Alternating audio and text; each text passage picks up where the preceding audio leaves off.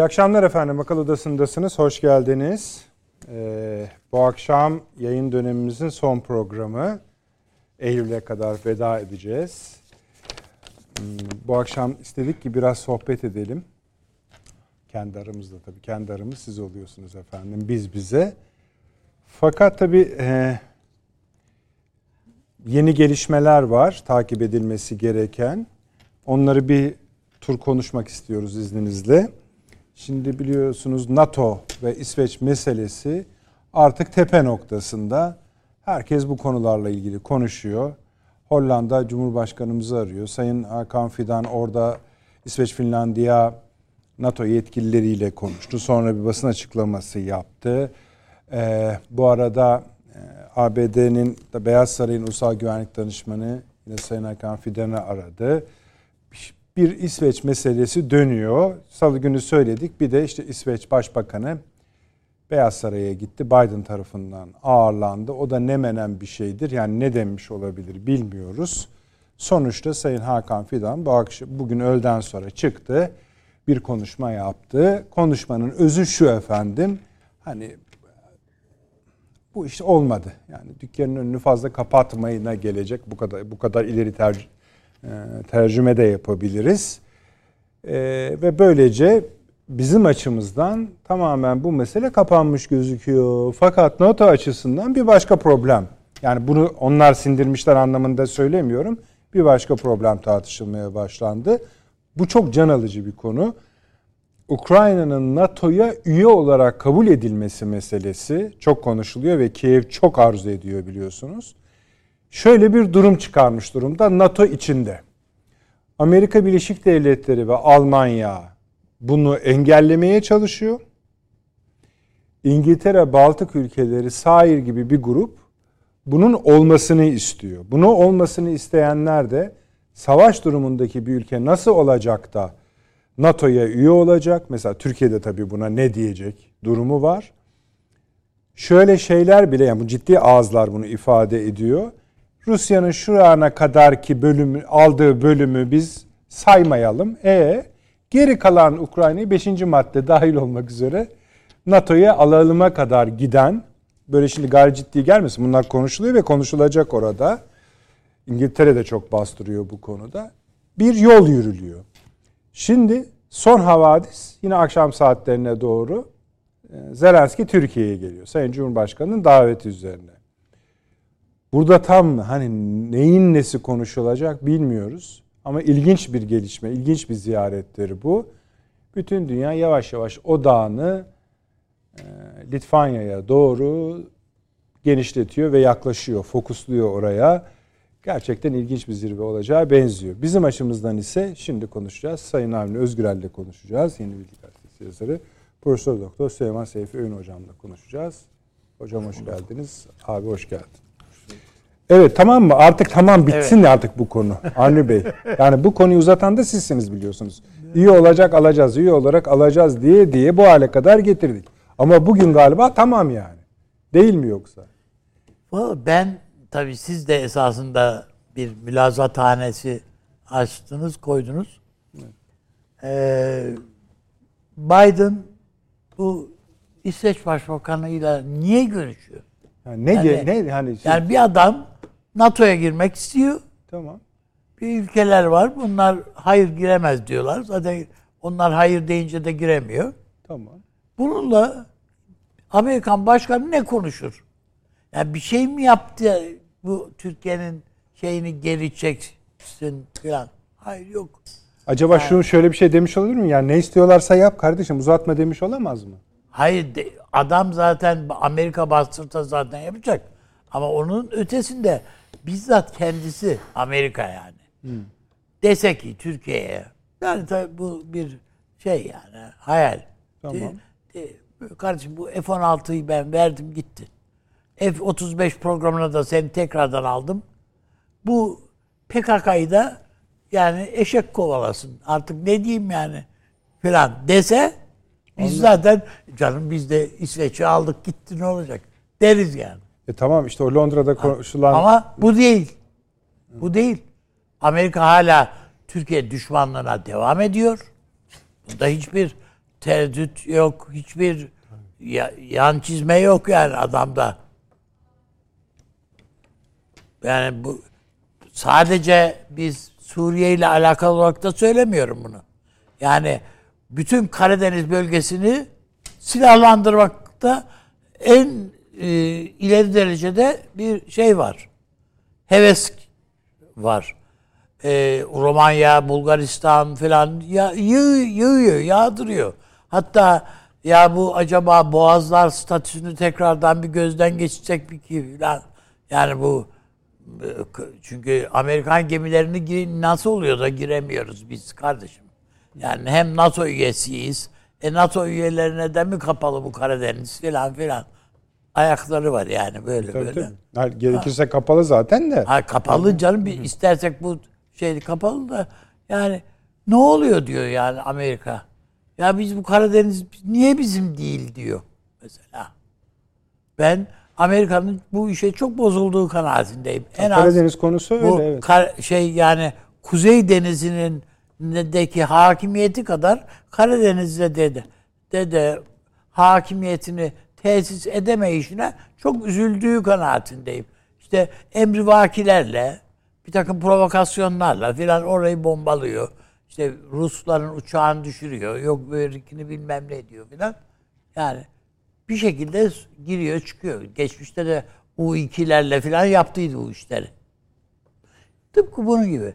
Ben o yüzden bu zirvede niye bu zirve var yani? Bu, bu, bu zirvenin e, durup dururken mesela e, NATO efendim Japonya'da bir ofis açtı. Ya hani yani bu Atlantik pa- paktıydı. Japonya ile ne alakası var bu iş? Ve orada bir ofis açılması hatta Japonya'nın üyeliği diyelim mesela giderek hatta belki daha bir adım öteleri bunlar hiç NATO üyelerine sorulmadan mı yapılır? Şu anda Ukrayna'nın üyeliği söz konusu dediğiniz doğru. Üyeliği söz konusu. Bunu hani mesela bizim çocuklar oyun oynarken derler ya ben yanından bir tane daha üye getirir yani şey getirirler. O da hani fasulyeden üye falan gibilerden. Ukrayna böyle mi girecek? Yok. Şu anda savaş halinde otomatikman hepimiz savaşa girmiş sayılacağız. Şimdi. Böyle bir şey mümkün değil yani. Nasıl oluyor bu- bunlar? Oylanmadan efendim İsveç üye. Üye muamelesi görüyor şu anda. Manevralara katılıyor. öyle. Her şeye katılıyor. Bir tek oy parmak kaldırmıyor. O kadar yani. Para da vermiyor. Daha iyi. Evet. da. Hatta daha iyi yani. Evet ucuzundan. İndirimli bir üyelik şeyi var. O yüzden ben Türkiye tabii ne yapacak diye merak ediyorlar. Bir yan baskı da var. Yani inkar etmek mümkün değil. Yani bizim bakanlarımıza, Var, var canım. Sayın Cumhurbaşkanımıza sık sık böyle ama şöyle yapmasanız siz de bu kadar şey yapmışsanız falan falan gibi. Neyse. Bak görüyorsun değil mi Fransa'nın, Macron'un halini. Bu azınlıklar. Kim diyor bunu ya? Abi diyorlardır herhalde birileri. Yani bu sığınmacılar bak neler yapıyor görüyor musun? Tayyip Bey yani. iki tane bilmem neye geliyor. Patlamasına geliyor bu iş diyorlar. Dır.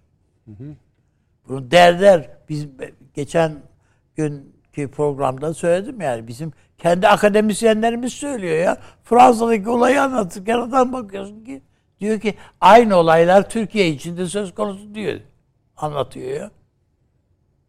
O yüzden yani ben önümüzdeki şeyin e, bu toplantının bu seviyede şeyde geçeceğini Bir şey, de, düşünüyorum. abi bir şey demedi. İnşallah Türkiye hayır diyecek. İnşallah tabiatıyla. Hayır diyecek. Ee, muhtemelen de öyledir. Hayır diyecektir. Çünkü savaş halinde olduğumuz bir ülke yani Amerika. Bunun niye bizi çağırmıyor da İs- İs- İsveç Başbakanı'nı çağırıyor yani bu Şöyle şey, abi, garip garip garip değil mi yani? Tabii kesinlikle garip. Fakat öncesinde bir görüşme var Sayın Blinken'la e, Sayın Fidan arasında. O görüşmeden sonra bu gelişiyor.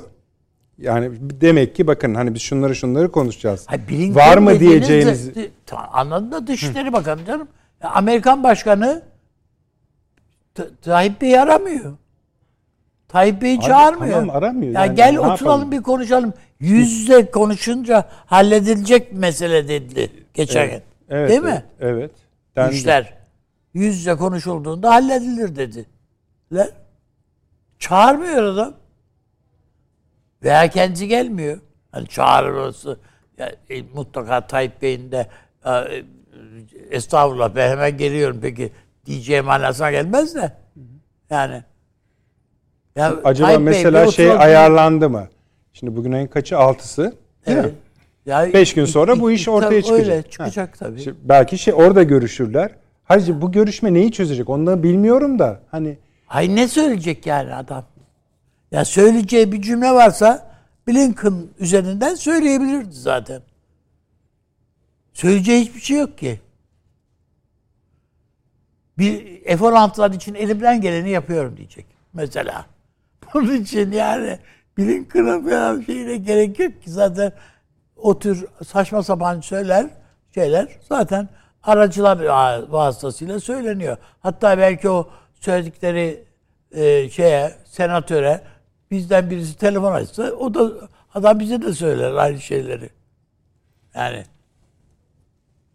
Türkiye'nin problemi bir kez daha ifade edeyim. Türkiye'nin problemi Amerika Birleşik Devletleri ile savaş halinde olduğunu zımnen kabullenmek. Zımdan Ve bu NATO'nun ve bu NATO'nun bir Türk ve İslam düşmanı bir şey, kamp, bir grup.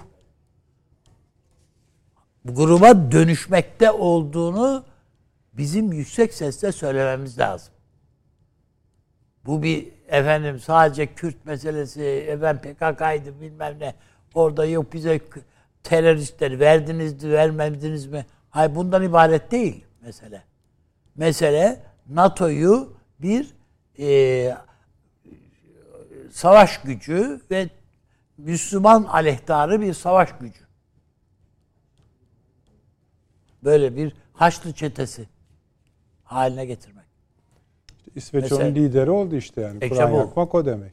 Öyle zaten. zaten e, şöyle bir tartışma da var. Mesela bağlantıyı kuramıyorlar. Türkiye'deki birçok yani aklı başında varsayılan insanlar. Mesela efendim diyor Kur'an'ın yakılmasının diyor şeyle ne ilgisi var diyor. İsveç'in üyeliğiyle. Evet. Ya işte bugün Sayın Hakan Fidan gayet güzel söyledi. Bakın arkadaşlar bugün oturduk dedi. Muhataplarımızla. Biz ne imzalamıştık sizinle? Bu belgeyi değil mi? Evet. Bakın bu mad- belgenin maddeleri şunlardır. Tek tek üzerinden geçtik. Hangileri yapıldı, yapılmadı bir tablo çıkardık. Bu tabloyu da götürdük. Hem taraflar hem NATO'ya gösterdik. Dedi ve kalktı. Bu şu demek. Yani artık üyeliğiniz Konuşacak bir şey yok. bir şey yok yani demek. Biz, Evet. bizi Adam de, da ha, şeyi de seyredin. bir tane bir tane tutukladık ama diyor. evet evet. Yani bu insan haka- hakaret gibi bir şey bu ya. Tabii. Sen- Hayır, birisini yani bu şey pa- para desteği mi topluyormuş Evet, terör şey, örgütüne evet, filan? öyle. Ha, onu tut, onu ne diyor? Onu şey yaptık diyor. Tutukladık diyor. Tutukladık diyor. Bir de şey dedi Sayın bize dedi artık hani zaman mefhumu baskısıyla gelmeyin. Yani yaptı diye gelmeyin. Dedi. Mesele de böylece kapanmış oldu. Şimdi siz tamam biraz daha yumuşak kaldınız yine ama aynı yere vardınız. Ee, peki bundan sonra bu zirve ha, Macaristan Ha bir de PKK'nın bütün e, derneklerini 20 küsür derneği var İsveç'te. Hepsinin tabelalarını değiştiriyorlar. İşte tam makyaj yani. E, Göze tabii sürme. canım, başka ne olabilir yani zaten? Macaristan'ın da açıklaması oldu. Biz Türkiye'ye bakıyoruz dedi. Hani meclisten şey yaptık ama dedi. Evet. Değil mi Süleyman Hocam? Hani meclisi kapatmış olmasına rağmen Türkiye dedi onaylarsa dedi. e, biz de dedi yani kolaylarız size gelen bir şey söyledi. Şimdi doğal olarak aslında Türkiye'nin bunu onaylaması hani Macaristan'ı geçen programda söylemiştik ya Hasan Hoca pek katılmamıştı. Hani e, Macaristan'a biz halle yani kolay bir iş diye bakıyor Batı. Yani Türkiye'yi halledelim. Bu iş basit. Biz Peki. öbürünü hallederiz diye bak. Tamam. Ee, buradan bir şey çıkmayacağı konusunda artık muha- artık şey olalım. Mutabık kalalım. İnşallah. Evet.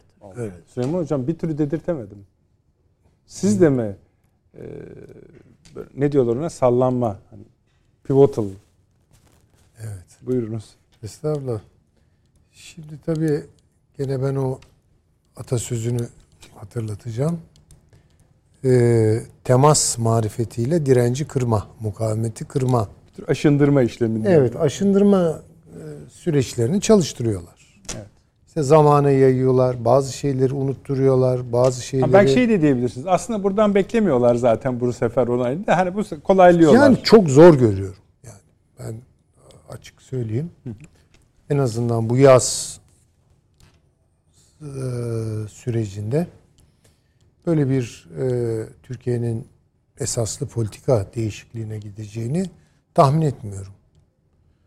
E, sonbahar Allah kerim. Yani bilmiyorum. Bakarız. Şimdi Macaristan biz bu işi dedi parlamentomuz tatile giriyor. Eylül'e, Ekim'e Topu oraya attı. topu oraya attık. Ama aynı zamanda şunu da söyledi. Türkiye bizim için önemli. Türkiye evet derse biz de evet deriz. Evet. Demezse hayır. Şimdi bunu nasıl değerlendireceğiz? Bir görüşe göre bu e, Orban Erdoğan dayanışması. E, bir görüşe göre e, daha ileri gidenler var. Bu bir Turan dayanışması diyen gazeteciler var. Olabilir ama bir bir başka şeyi de düşündürtüyor bu. Valla top bende değil, top Türkiye'de. Gidin Evet. Türkiye'yle. Hani Ya üzerinden acaba- şeyi atmak. yani. yani evet. Ben şundan çok eminim. Macaristan kendi açısından çok haklı olarak bu Baltık'taki orası aslında tabii soğuk bir iklim falan onları çağrıştırıyor ama orada sıcak bir top var. Ateşten bir top var. Baltıklarda. Onun Orta Avrupa'ya sirayet etmesini istemiyor. Kendisi açısından bunu bir güvenlik sorunu olarak Hocam bir görüyor. de bu İsveç siz de bileceksiniz. bu İsveç Macaristan için çok kötü ağır şeyler bir de söylüyor küfür da. Tabii neredeyse. tabii ağır şeyler söylüyor. Türkiye için de söylüyor. Özel bir durum var diyor. Yani Orban için de söylüyor, Erdoğan için de söylüyor. Bunlar bunların nazarında e, değişmiyor bu. E, ama onların da çok güçlü ve kendi açılarından haklı gördüğüm bir takım gerekçeleri var. İsveç'in NATO'ya alınmasına mani olmak adına. Ha, var yani. Var var Gerekçesiz tabii değil ki. yani. Yani bu öyle ya Türkiye'ye bırakıyoruz. Türkiye evet derse biz evet deriz gibi. Çünkü dayanışma ise bunun böyle olmaması lazım. Dayanışması başka türlü olur. İkimiz birlikte veya ayrı ayrı bilemem. Ee, ama sonuçta ortak bir e, politika izleyebiliriz yani. Yani Türkiye'ye yani bakın. Şunu da söyleyebiliriz. Macaristan yönetimiyle Türkiye yönetimi arasında batıya bakışta bir uyumluluk var. Var da yani tamam, şimdi o mesela bu işbirliği tabii ki var. NATO'nun içinde yani NATO'nun deyim yerindeyse onlar açısından söylüyorum tabii. Migreni Türkiye ile Macaristan. Yani bayağı migren. Soru ciddi soru. E, Ciddi sorun yani tabii ki. Çünkü öbür başka işlere bakmak istiyorlar bunu Tabii. halledip. Ama NATO açısından da Türkiye artık istenen, arzulanan, önemsenen bir e, jeopolitik aktör müdür? Tereddütlerim var. Yani ancak bu kadar gözden çıkarılabilir Türkiye NATO açısından. Ya bu kadar üstüne üstüne, bu kadar harcamacı, bu kadar umarsızca. Yani NATO'nun izlediği Türkiye politikaları Allah aşkına NATO disipliniyle uyumlu mu ki? Türkiye'den NATO disiplinine uyumlu olması isteniyor. Değil mi? Bunlar karşılıklı olur herhalde yani. ta çekiç güçten beri Türkiye NATO tarafından aşama aşama tard edilmiş durumda. Dışarıya itilmiş durumda. Sadece bu değil. Aynı zamanda hasım statüsüne neredeyse konulmuş durumda.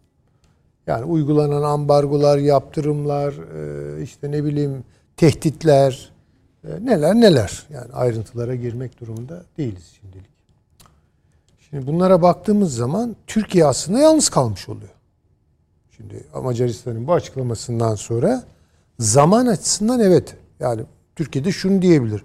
Valla Macaristan bunu işte Ekim'e falan erteledi. Biz de bu ara bir görelim bakalım. Yani bunu diyebilir Türkiye bakın. Ama sonuçta iş Türkiye'de bitiyor. Yani Türkiye NATO'ya arıza çıkaran, NATO'yu zora sokan bir devlet konumuna yavaş yavaş değil yani baya baya oturmuş durumda. Şimdi tabii bu bir blok var karşınızda ve siz yalnızsınız. Yani bir blok başka bir blokça dengelenebilir. Öyle bir blok var mı? Türkiye'nin yanında duran bu meselede yok. Bir yani işte Türkiye'nin Macaristan var. yanındaki ya da yanında olmayan bloğa geçmeden önce bu NATO bloğu diye tarif ettiğiniz şeyi homojen görüyor musunuz? Yok görmüyorum. Onun içinde de çatlaklar var. Yani mesela onun üzerinde Türkiye'ye bu konuda çok abananlar var. Ya tabii iyi olur diyenler de var. Yani pek o kadar yumuşak konuşanlar var mı bilmiyorum. Ama Macaristan- Konuşmak diye değil de Yani hocam. işte Macaristan tabii Türkiye'yi yani. şey kendilerine şey yap görenler var. Yani mesela Fransa'nın filan ben Türkiye'ye aferin dediğine içten içten inanıyorum yani. İhtimaldir. bilemiyorum. Zaten Yani mesela siz dediniz değil mi? Hani Türkiye'ye Fransa'yı gösteriyorlar. yok. E, tam işte Avni Bey hani öyle söyledi. dedi. Demek aslında Fransa'nın da hani Fransa'nın da cezalandırıldı Ya iması Fransa- var onun içinde. Fransa zaten o içerideki bir takım kaynamaları Amerika'nın kışkırttığı kanaatinde. Hocam şey diyordunuz, kutuplar diyordunuz. Ha yani kutup değil de bloklar. Ha, şey yanındaki blok. Yani evet. Türkiye şu an yalnız durumda. E şimdi tabii ekonomik sorunlarımız var. Kaynak arayışındayız vesaire bir takım problemler e, yaşıyoruz ister istemez. Dünya da yaşıyor aslında kendine göre. Türkiye'de biraz daha belki biz ağırcısını yaşıyoruz bunun. E Şimdi yani bu durumda Türkiye'nin mesela direnci nereye kadar gidecektir? İhtiyatla bakmak lazım buna. Ama şu anki tablo yapılan açıklamaları veri alacak olursak ya Türkiye bugünden yarına buna evet demeyeceğini hissettiriyor, ihsas ettiriyor en azından. Ama ya gibi hissettirmeden biraz daha fazla değil mi?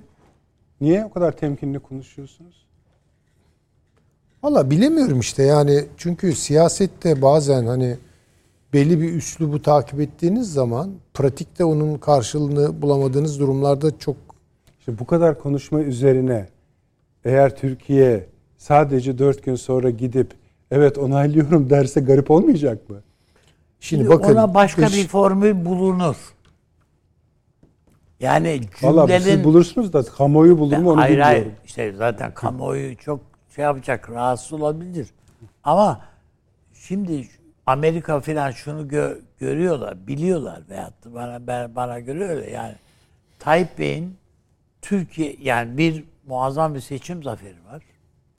Ortada elde etti.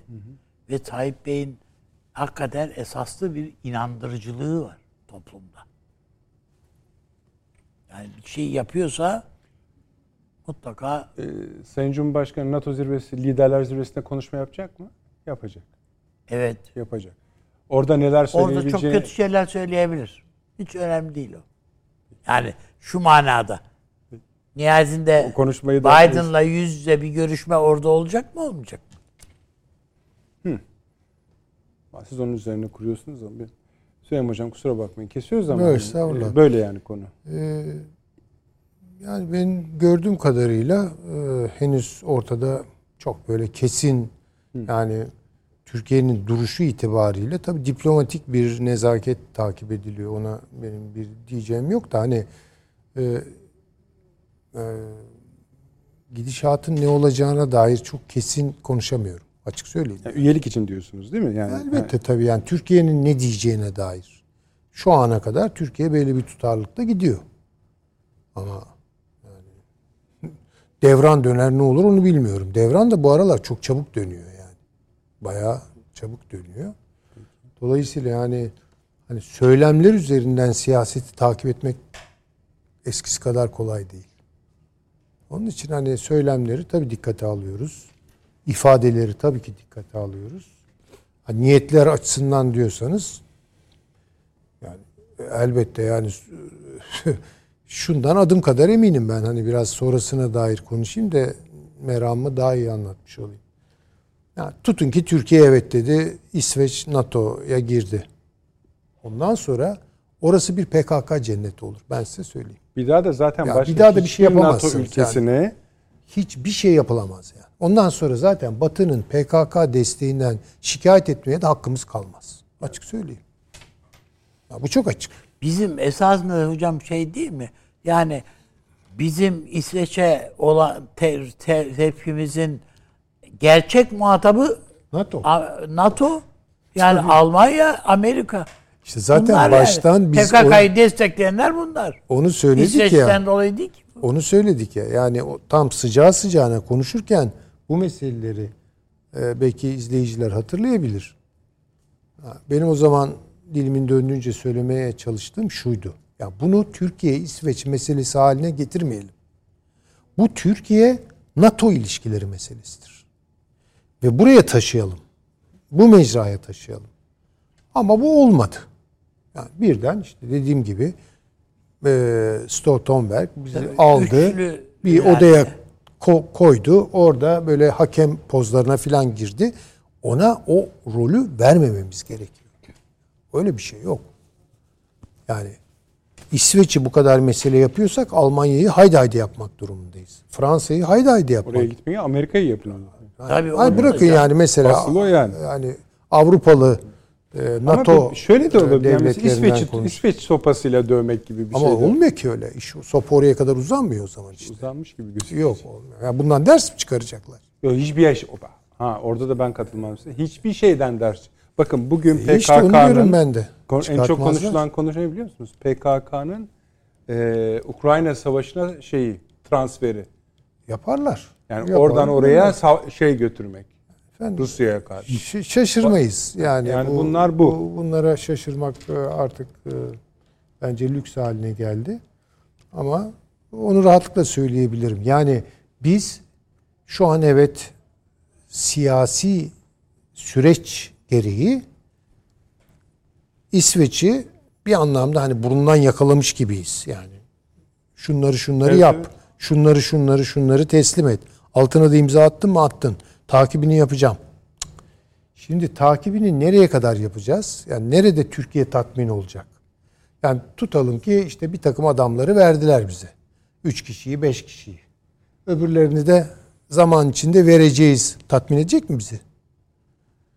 20 tane bilmem PKK derneği var. Onunu kapattık. Öbürlerini de kovuşturuyoruz. Bakalım inşallah kapatacağız falan. Tatmin olacak mıyız bunlardan? Ya bunlar güvenilir şeyler midir? Değildir. Ya şöyle bir gerçekle karşı karşıyayız. Avrupa Türkiye Cumhuriyeti Devleti'ni bu hareket, bu ayrılıkçı hareket, bu bölücü hareket karşısında çok rahatlıkla gözden çıkarabilecek o bölücü hareketin e, amaçlarına kurban edecek kadar dışlamış durumda. Daha ne yapayım? Ne diyeyim? Yani ne ta- tatmin edecek bizi? Yani İsveç'tekiler bir gece bavullarını topladılar hep birlikte mesela Norveç'e geçtiler. Evet. Ne yapacağız? Teessüf. Ha, diyeceğiz ki evet yani İsveç diyecek vallahi hepsi gitti bak. Bendeki kimse kalmadı. Sonra gerek de kalmadı. Bu yükümlülük düştü. Öyle mi? Hesabını git Norveç'ten sor. Tabii soramayacağız. Peki diyeceğiz. Diyelim ki onayladık İsveç'in e, üyeliğini. Bir hafta sonra hepsi bavullarını toplayıp yeniden İsveç'e geldiler. Ne yapacaksınız? Bütün bunlar olabilecek şeyler. Yani onun için Ha, kamuoyumuz da bunları düşünürken biraz bu çerçevede düşünse iyi olur. e, hani İsveç'in adam edilmesi, İsveç'in hizaya getirilmesi falan bunlar olmayacak şeyler. Bunlar. Çünkü o diyorsun ya bir dinin milyarlarca mensubu olan yani milyarlarca değil mi? Bir buçuk iki milyara yakın değil Müslüman bir şey var. Kütle var. Bunların inancını ifade özgürlüğü gibi bir takıntısına kurban etmeyi bilen bu hakaretamiz eylemi sindirebilen bir devletten ne bekliyoruz biz? Hocam biz İsveç diye bakmayalım. Amerika kınamadı bile o Kur'an yakma Hayır, eylemini. bunun külliyen çok yani haklısınız. kınamak ya yani en, bu en basitinden. Kınadı abi. Bu, Hayır bu kınamadı. külliyen Kınamaması şu yani doğru değil dediler. O kadar. Ha, sorsam belki şunu diyecek. Şimdi mi yapılır bu? Ha. Yani niye sa- yani? Yani dışları kınamadı. Yani bu tabii dediği doğru e, üstadın. Yani bu esas itibariyle bir Amerika. Batı medeniyetinin problemi. Yani öyle koyarsak çok daha geniş bir dünyaya hitap etmiş oluyoruz. E, fakat İsveç burada adeta en avantgard olanlar. En önde olanlar. Yani en hani nasıl söyleyeyim marjinal böyle uçuk demokratik tecrübeler nerede yaşanıyor filan diyorsanız işte İsveç'te yaşanıyor. İşte Norveç'te yaşanıyor. Baltık dünyasında yaşanıyor. Yani böyle. Yani onun için hani e, İsveç'i münhasıran tabi söylemiyorum. Ama konumuz gereği münhasıran e, değerlendirmiş oluyorum. Bu genel olarak Batı'nın bakışı zaten. Yapacak bir şey yok. Yani. Ya bu adamların bu düşüncelerini bizim değiştirmemize falan da imkan yok. Kimileri diyor ki işte kamu diplomasisi yapalım falan. E olmaz efendim. Onlar olmaz. Olmuyor zaten. Yani 40 yıllık kani yan ne olmuyor yani. İşte öyle söyleyelim. Peki. Dolayısıyla bu bu kara kucak devam edecek yani. Edebildiği yere kadar bence götürülmeli de. Peki. Ee, Avni abi özür dilerim hocam. Yok, hayır, mi? tamam, tamam. Zelenski niye geliyor? Ya ayrı Ne? bu se- O onun da şey. derdi aynı. NATO'yu yollu. Ama o çok tehlikeli bir şey. O çok O başka evet. bir şey. O Yani- felaket tehlikeli bir şey. Şimdi bu Yani o bizim başımıza Rusya'yı da saracak bir şey. Yani şimdi düşünün bak İsveç gibi nispeten hani nispeten falan ya bize uzak bir ülke. Şimdi düşünün ki Ukrayna'nın üyeliği gibi bir soru şeyin önüne geldi Türkiye'nin. Ya Amerika'nın tuzu kuru kardeşim. E öyle tabii. 5000 kilometre öteden adam nara atıyor. 10 bin kilometre öteden nara atıyor. Biz 800 kilometre aramızdaki mesafe. Bu Zelenski'nin da, yani davet edilmesi yani bizim bir yani mesela insanın aklına hemen şu şey geliyor. Tahıl meselesi geliyor. Evet. Rusya biliyorsunuz ben Evet, tabii. benden bu Yani. kadar dedi çıktı işin içinden. Ona göre haklı tarafları da var. Çünkü kendi malı duruyor olduğu gibi. Şimdi belki biraz bununla ilgili olabilir de başka ne olabilir abi? Zelenski bununla ilgili gelmez canım. Buğdayı ne, nesine gelip de ne diyecek? Buğdayı al. E biz zaten istiyoruz. Burada NATO Zelenski'nin bize değil Rusya'ya söylemesi lazım. bizim üzerimizden Abi sonra. idare et. Peki o zaman ne? İşte Ya bari- şu ben NATO'ya bir şekilde yandan girmek istiyorum. Mazarat çıkartmayın. Demesi demek için geliyor buraya. yeni bir İstanbul Bana bir formül buluyor Biden veyahut da Alman, Fransa, Almanya el birliğiyle bana bir İngiltere bir formül buldular. Siz aman ha buna ses çıkarmayın diyecek. Gelip. Ya biz her türlü şekilde e, şeye e, böyle e, Tonga'ya düşüyoruz ya. Yani güreşte alta düşüyoruz ya. Hani bir yat alttan ben bir puan alayım diye. Güreş o hale getiriyor adam sana. Bize soran mı var yani Zelenski size bir gelsin mi diye. Ben çok merak ediyorum. Soran var mı? Ya davet biz mi ettik yani? biz ettik biz. Ha? Sayın Cumhurbaşkanı'nın davetiyle geliyor. Onu bilmiyorum. Belki acaba bir Kırım'ı biz size verelim, siz de bize Hayır hiç öyle Yok şeyler yok. Bu ya işte NATO zirvesiyle Ukrayna'nın NATO diye bağ çünkü şöyle de yorumlanıyor. Bunun ikinci bir kısmı da var. Hocaya da soracağım onu da Zelenski meselesini. Diyorlar ki bunun bir tarafı Zelenski kıyamet koparıyor. Tamam mı? Benim NATO, bu sefer NATO için hiç olmazsa bir perspektif açın. Yani tamam mı? Bize cart diye üyelik. Perspektif var zaten. Ka- ama söylensin diyor. Amerika'nın elinde perspektiften bol bir şey yok. Tamam ama söylensin istiyor ki şey. İngiltere ve Baltık ülkeleri ise başlatın kardeşim üyelik sürecini diyorlar. İngiltere bunu Amerika'ya da söylüyor. Orası karışık. Fakat ikinci mesele şu. Ukrayna'nın savaş meselesinde bir çuvallama gözüküyor. Yani bu kadar k- m, cazgırlığının sebebi biraz bu. Bu e, sen kızıyorsun öyle deyince ve haklısın da tabii. Bu taarruz meselesinde, yeniden taarruz meselesinde işin bir yere dayandı. Bugün bir Fransız generalinin bir Fransız generali çıktı dedi ki bu dedi Ukrayna'nın Kiev'in yeniden kendi topraklarını alma harekatının dedi zerresine inanmıyorum ben dedi.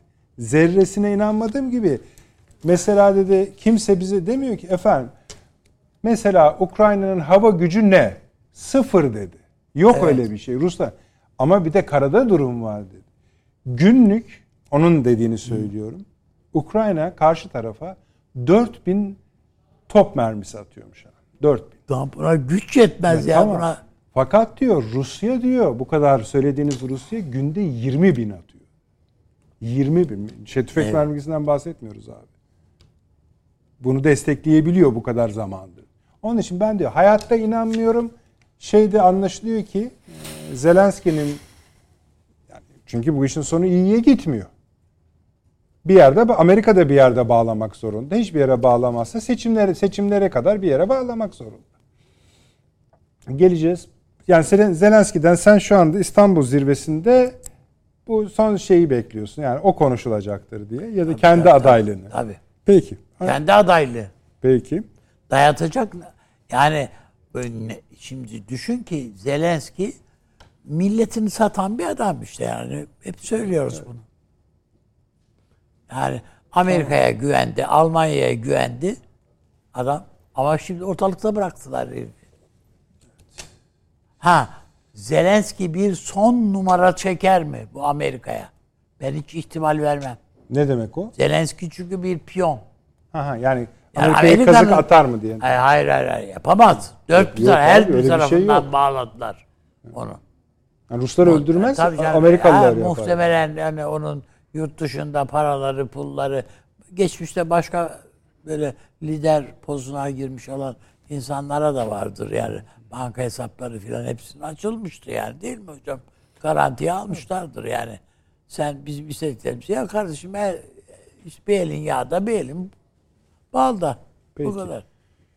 Ee, Süleyman Hocam, Zelenski niye geliyor? Şimdi şöyle Yani şeyde fark etmez. O geliyorsun çağırmış. Niye yani?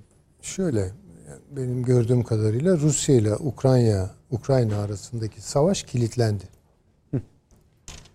Bir kere şu anlaşılıyor ki Ukrayna'nın tırnak içinde kaybetmiş olduğu toprakları yeniden kazanması ve Rusya'yı püskürtmesi e, bir fantazi.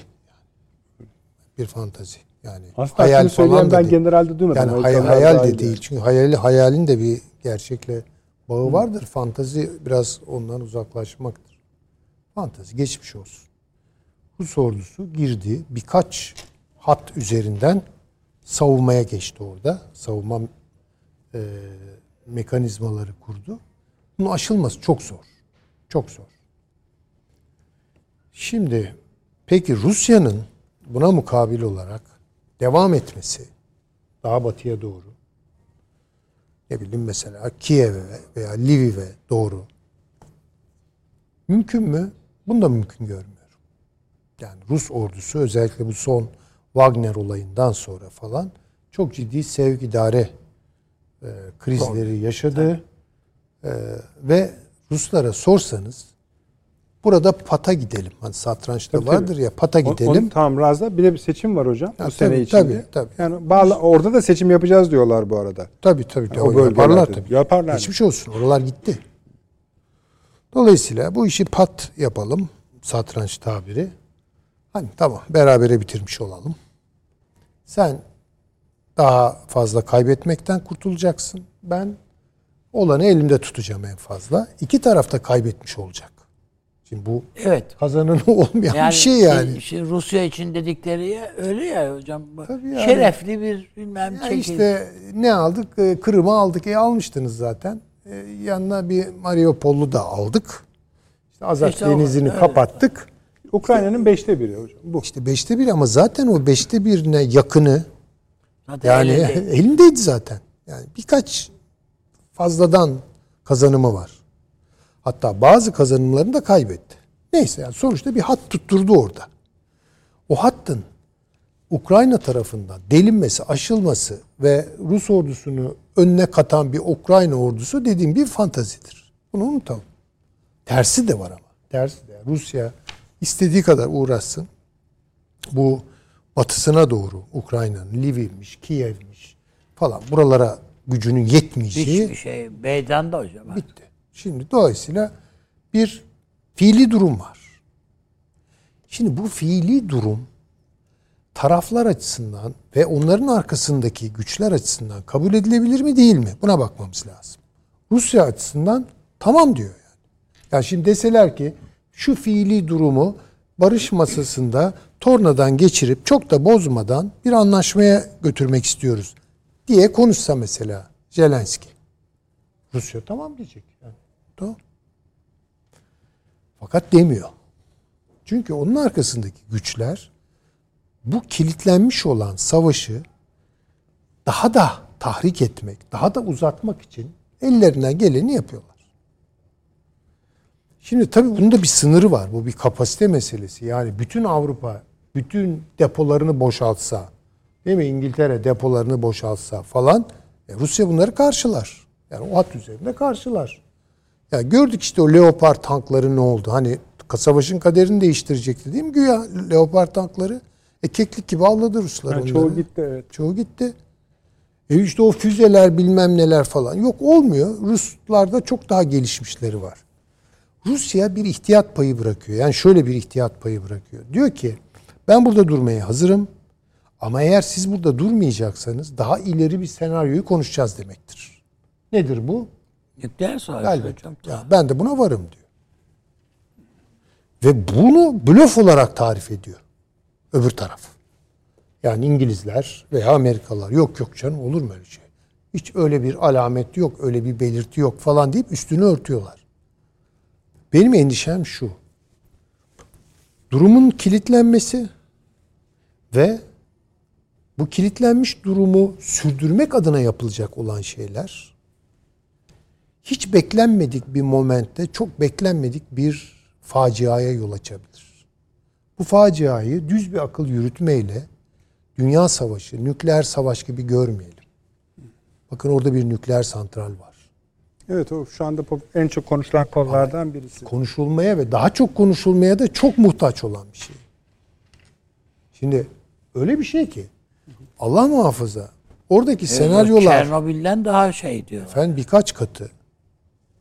Ve nereleri yakacak, yıkacak, nereleri tahrip edecek, hayat bırakmayacak. Baktığınız zaman bakın için ucu bize de geliyor. Bunu görelim yani. Türkiye Türkiye'nin şu an böyle bir riski var. Var tabii canım. Orada Var. bir şey olursa Şimdi bir e, harita gördüm. E, Ukrayna'daki rüzgarların yönünü falan gösteren bir harita. O haritaya göre batıya gitmeyecek bu bulutlar falan. Ya nereye? Bir kere Kırım'a. Azak Denizi'ne doğru ve Rusya'ya doğru. Ve şöyle bir Karadeniz üzerinden bir yay çekip Allah muhafaza buraya geliyor. Buraya gelecek. Evet. Şimdi bu bu acayip bir şey işte. Yani bakın yani bu çok çok e, bence kritik üzerinde durulması gereken bir mesele. Ha nükleer savaş tehlikesine e, veya riskine gelecek olursam var mı böyle bir risk? Var. Tabii ki var. Özellikle yani bu Baltık'taki e, Şimdi bakın bizim programın adı akıl odası ama akıl odasında akıl tutulmalarını da konuşuyoruz yani. Gayet tabii. Öyle mi işte? Akıl Bu çok da tutulması. değil mi hocam? Yani Baltık şu an bir akıl tutulması yaşıyor. Polonya bir akıl tutulması yaşıyor. Ve çok yüksek derecelerde yaşıyorlar. Korkunç yani onların arkasındaki psişik halleri anlamak, anlamlandırmak çok zor. Bu herhalde Baltık-Rusya ilişkilerinin tarihsel galerilerinde dolaşmayı gerektirir. Çok usta ve çok e, nasıl söyleyeyim e, vukuflu bir tarihçi grubu tarafından. Polonya Rusya ilişkilerinin tarihi vesaire. Yani İsveç Rusya ilişkileri falan. Şimdi bakın Orta Avrupa'nın üstünde seyrediyor bütün bunlar. Ve Almanya ne yapacağını bilemez durumda. O da bir akıl tutulması yaşıyor. Fransa savruluyor. O da bir akıl tutulması yaşıyor.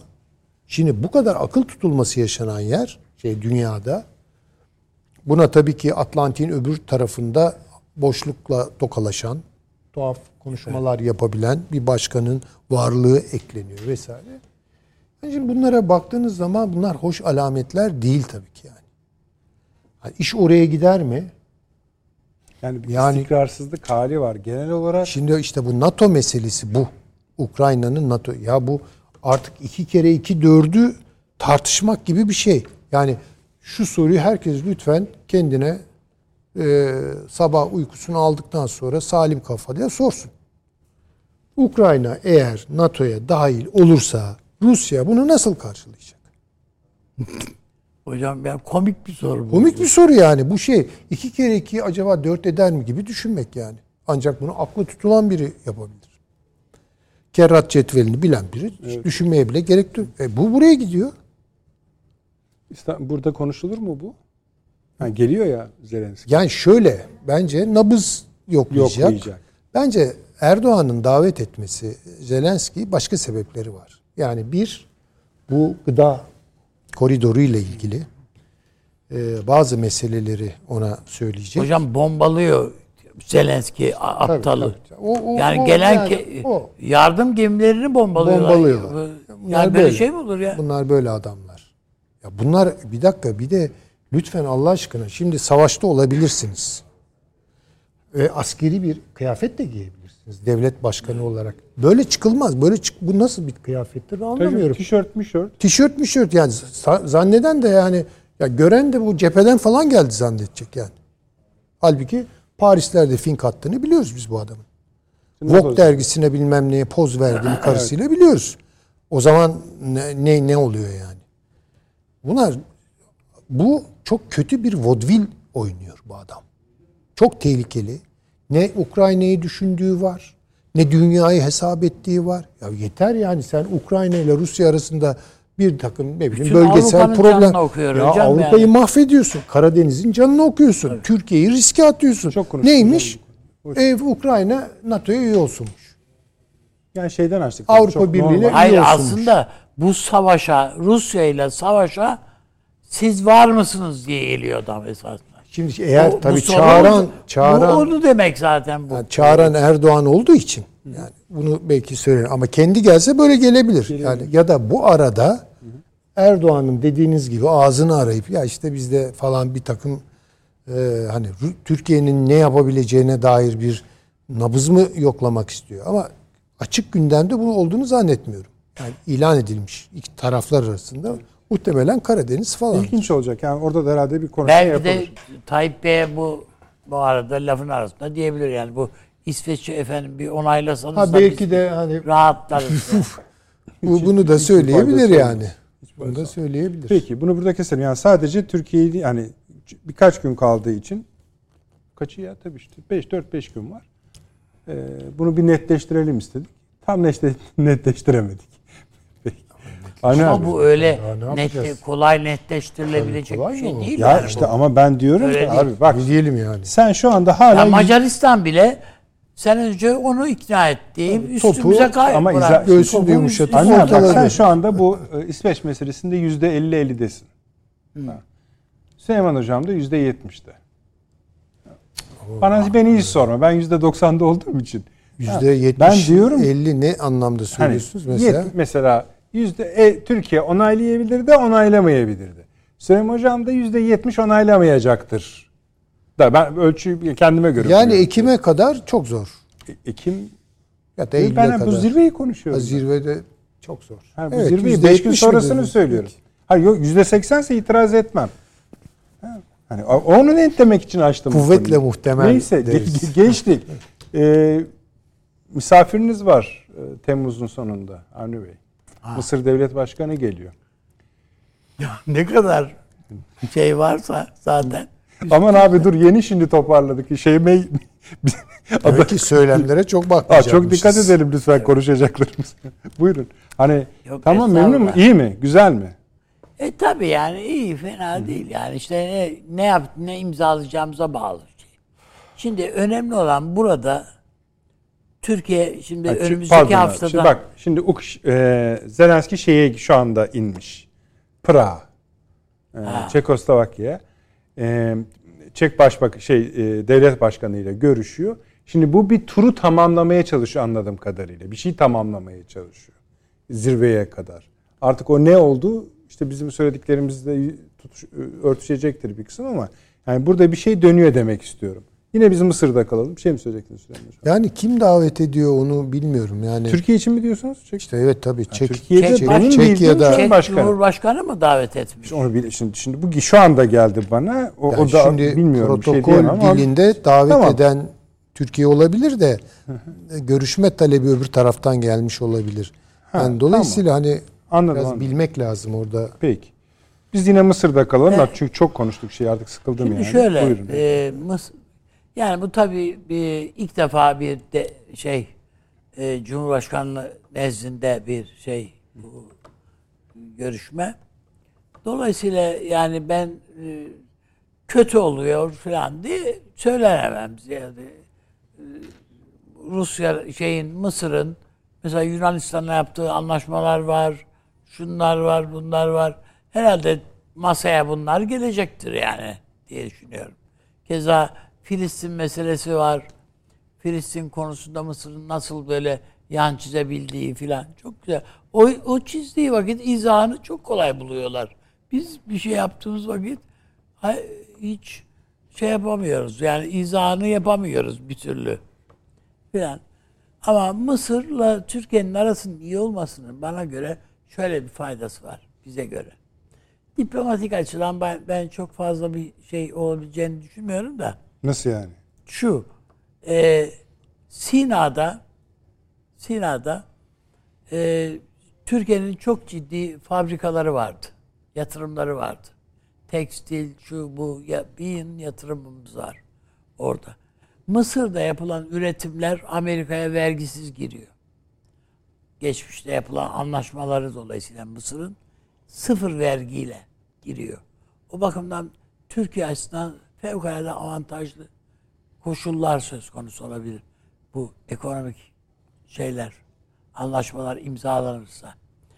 Ee, ve ben e, şeyin de e, Sisi'nin de buna e, çok rahat evet basacağı kanaatindeyim.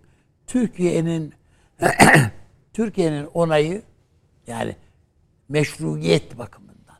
Çünkü Sisi'nin en büyük itirazı yani Türkiye'den giden en büyük itiraz bir darbenin şeyi olması dolayısıyla bir meşruiyet e, soru işareti orada vardı. Ve bu e, Sisi'yi yani düşünün ki e, darbenin öncesinde e, şartlar o zaman yani fevkalade olağanken, normalken Sayın Cumhurbaşkanımıza abi diye hitap eden bir adam. Sisi. E, ama bu darbe her şeyi değiştirdi tabii. Şöyle yapalım abi. Ee, bir reklama gidelim. Kısa 5 dakika. 5 dakika sonra geleceğiz ama işim bu daha uzun bir konu efendim. Yani şöyle uzun bir konu. Kılçıklı bir konu. Biz Avni biraz hani mesela diplom pek bir şey değil filan dedi ama bölgeyle ilgili de bir takım şeyleri var. Tabii var yani. Ee, Cumhurbaşkanımızın da tura çıkıyor Ya işte ha. Yaşa abi. Bir de yani mesela bunun Akdeniz'deki kimi ittifaklara etkisi var. Neyse dönünce efendim 5 Evet. dakika hemen geliyoruz. Akıl odasındayız efendim. Devam ediyoruz. Hani abi tamam mısır şeyin? Yoksa şeylere Yok. değinecek misin? Mesela şöyle bir şey de sorabilirim sana.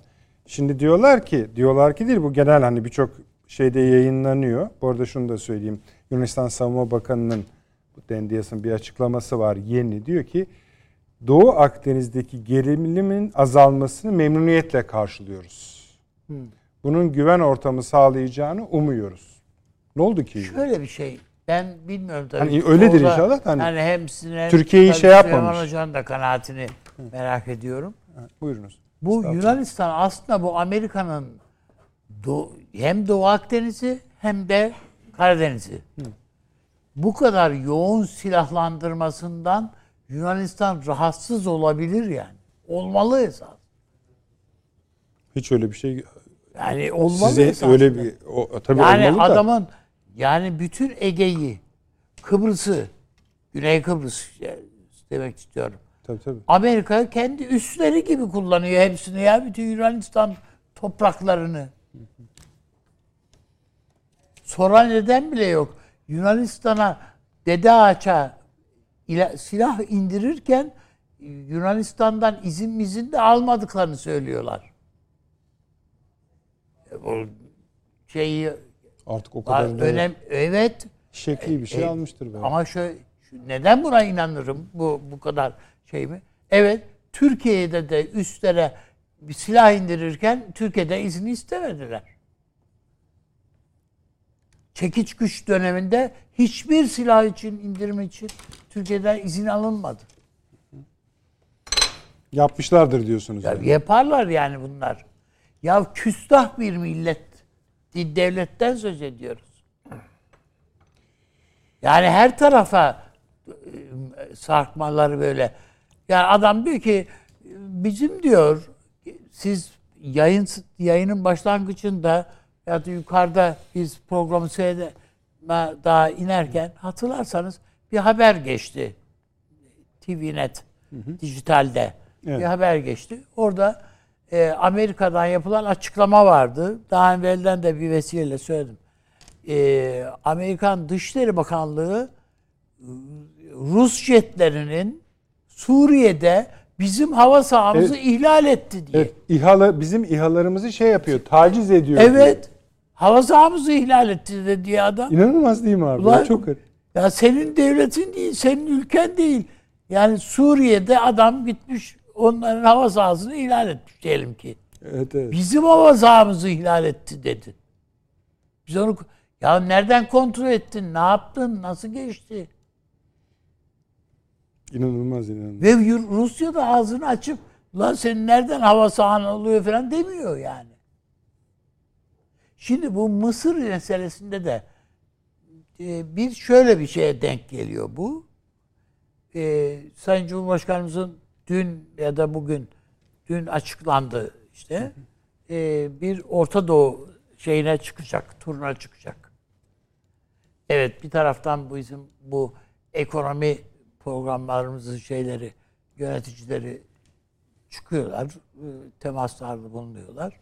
Ama onun ötesinde Sayın Cumhurbaşkanımızın hem seçimler seçim döneminde filan veya seçim sonrasında tebrikatlar e, iletildiği süreçte tabii bir teşekkür şeyleri var. Yani bir iyi niyet gösterileri var. O bakımdan yani hem e, Körfez ülkelerine hem onun dışında Suudi Arabistan'a yani özellikle yani bir ziyarete çıkacak Sayın Cumhurbaşkanımızın bir Evet. süre böyle var. Mısır bunu tamamlayacak bir şey. Düğüm. Ha bir başka düğüm noktası daha var. Bana göre Libya. Sayın Cumhurbaşkanımız Libya'ya da gidebilir.